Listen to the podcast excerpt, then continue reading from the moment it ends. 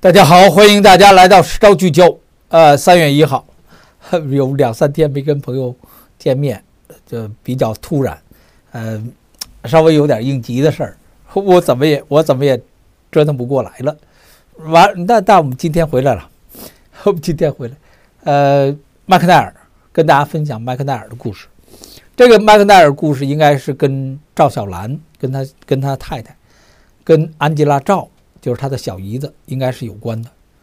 麦克奈尔宣布退出共和党在参议员的领袖，他直他直接描绘说，现在的政党、现在的共和党是川普的政党。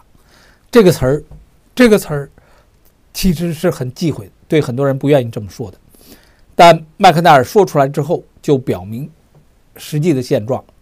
他大概，呃，大概在星期三的晚上吧，他宣布不再竞争，呃，美国众议院、美国参议院少数党领袖了。那川普正在选自己的人，然后他讲说，自2016年川普上台一之后，就是呃上成为总统之后，整个共和党带来了巨大的改变。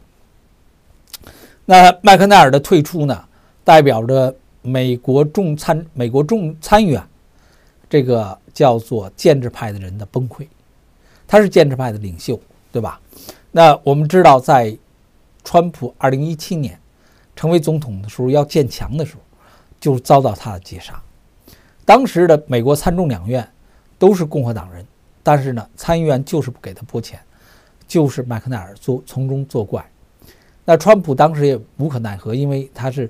在当时的川普，他是一个一个一个，呃愣头青似的，因为他他没有他没有没有这个旁边的帮手，所有的人都是靠这些人选的。而当时的美国众议院呢，呃，公众议院的这个议长呢，罗恩呢，也是他们一伙的。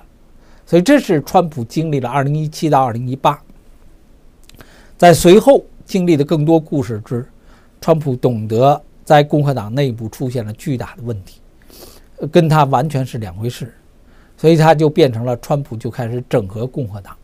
那那在整合共和党过程中，我们看过经历过这么多，就是波澜壮阔的一切。在比较典型的就是两千年大选的时候，美国的参议院的共和党人几乎不发出声音，那不去对川普进行支持，那是很少，其实很少有的，呃，只是个别的一些。议员在发出声音，但是呢，它不能成为整体的力量，啊，这就是我们基本上看到。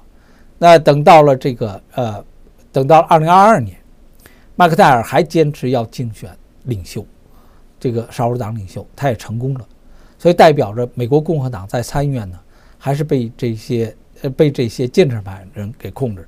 让美国再伟大的川普党呢，呃，没有没有，我们说过这就叫叫川普党。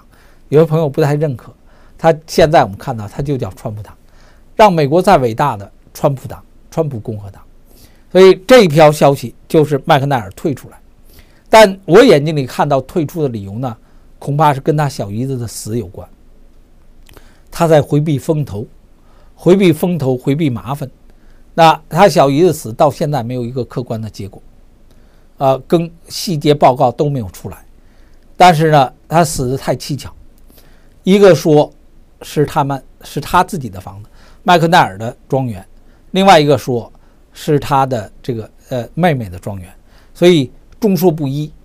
而关键是警方在其中故意掩盖了太多东西，呃，很显然故意掩盖。而这一份掩盖带来的伤害，就是给社会间带来的伤害是巨大的。而媒体本身，在左派控制的媒体，主流媒体。跟建制派的媒体，他都保持沉默，但事实就是事实，人死了，关键是对不对？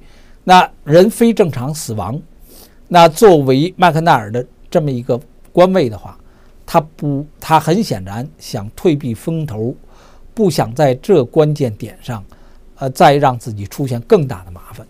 那那退避风头，找他的麻烦就人就少了。也就是说，在麦克奈尔宣布退出共和党。这个，呃，领导层之外之后，可能呢，呃，赵安吉的案子呢就会发布报告，所以这是一个前后的一个政治上的技巧。那这个政治技巧就代表着在安吉拉赵他的死亡，恐怕跟麦克奈尔有脱脱不开来的关系。那他的而麦克奈尔的放弃的本身呢，他本来不会放弃川普的，就是他会跟川普抗一直抗争下去。在美国参议院本身呢，也有相当的力量在抗争着川普，但他一旦退出了，那川普就拿下来。所以这是一种，其实大家可以把它解释成是一种天象，是一种天意。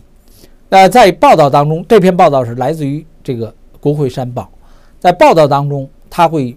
呃，主要是报道整个事件跟跟这个参参议员的一些反应，呃，一些政治上的反应。那我们跟大家分享，就是说它大的背景呢，应该超过所谓的参议员、众议员的说法。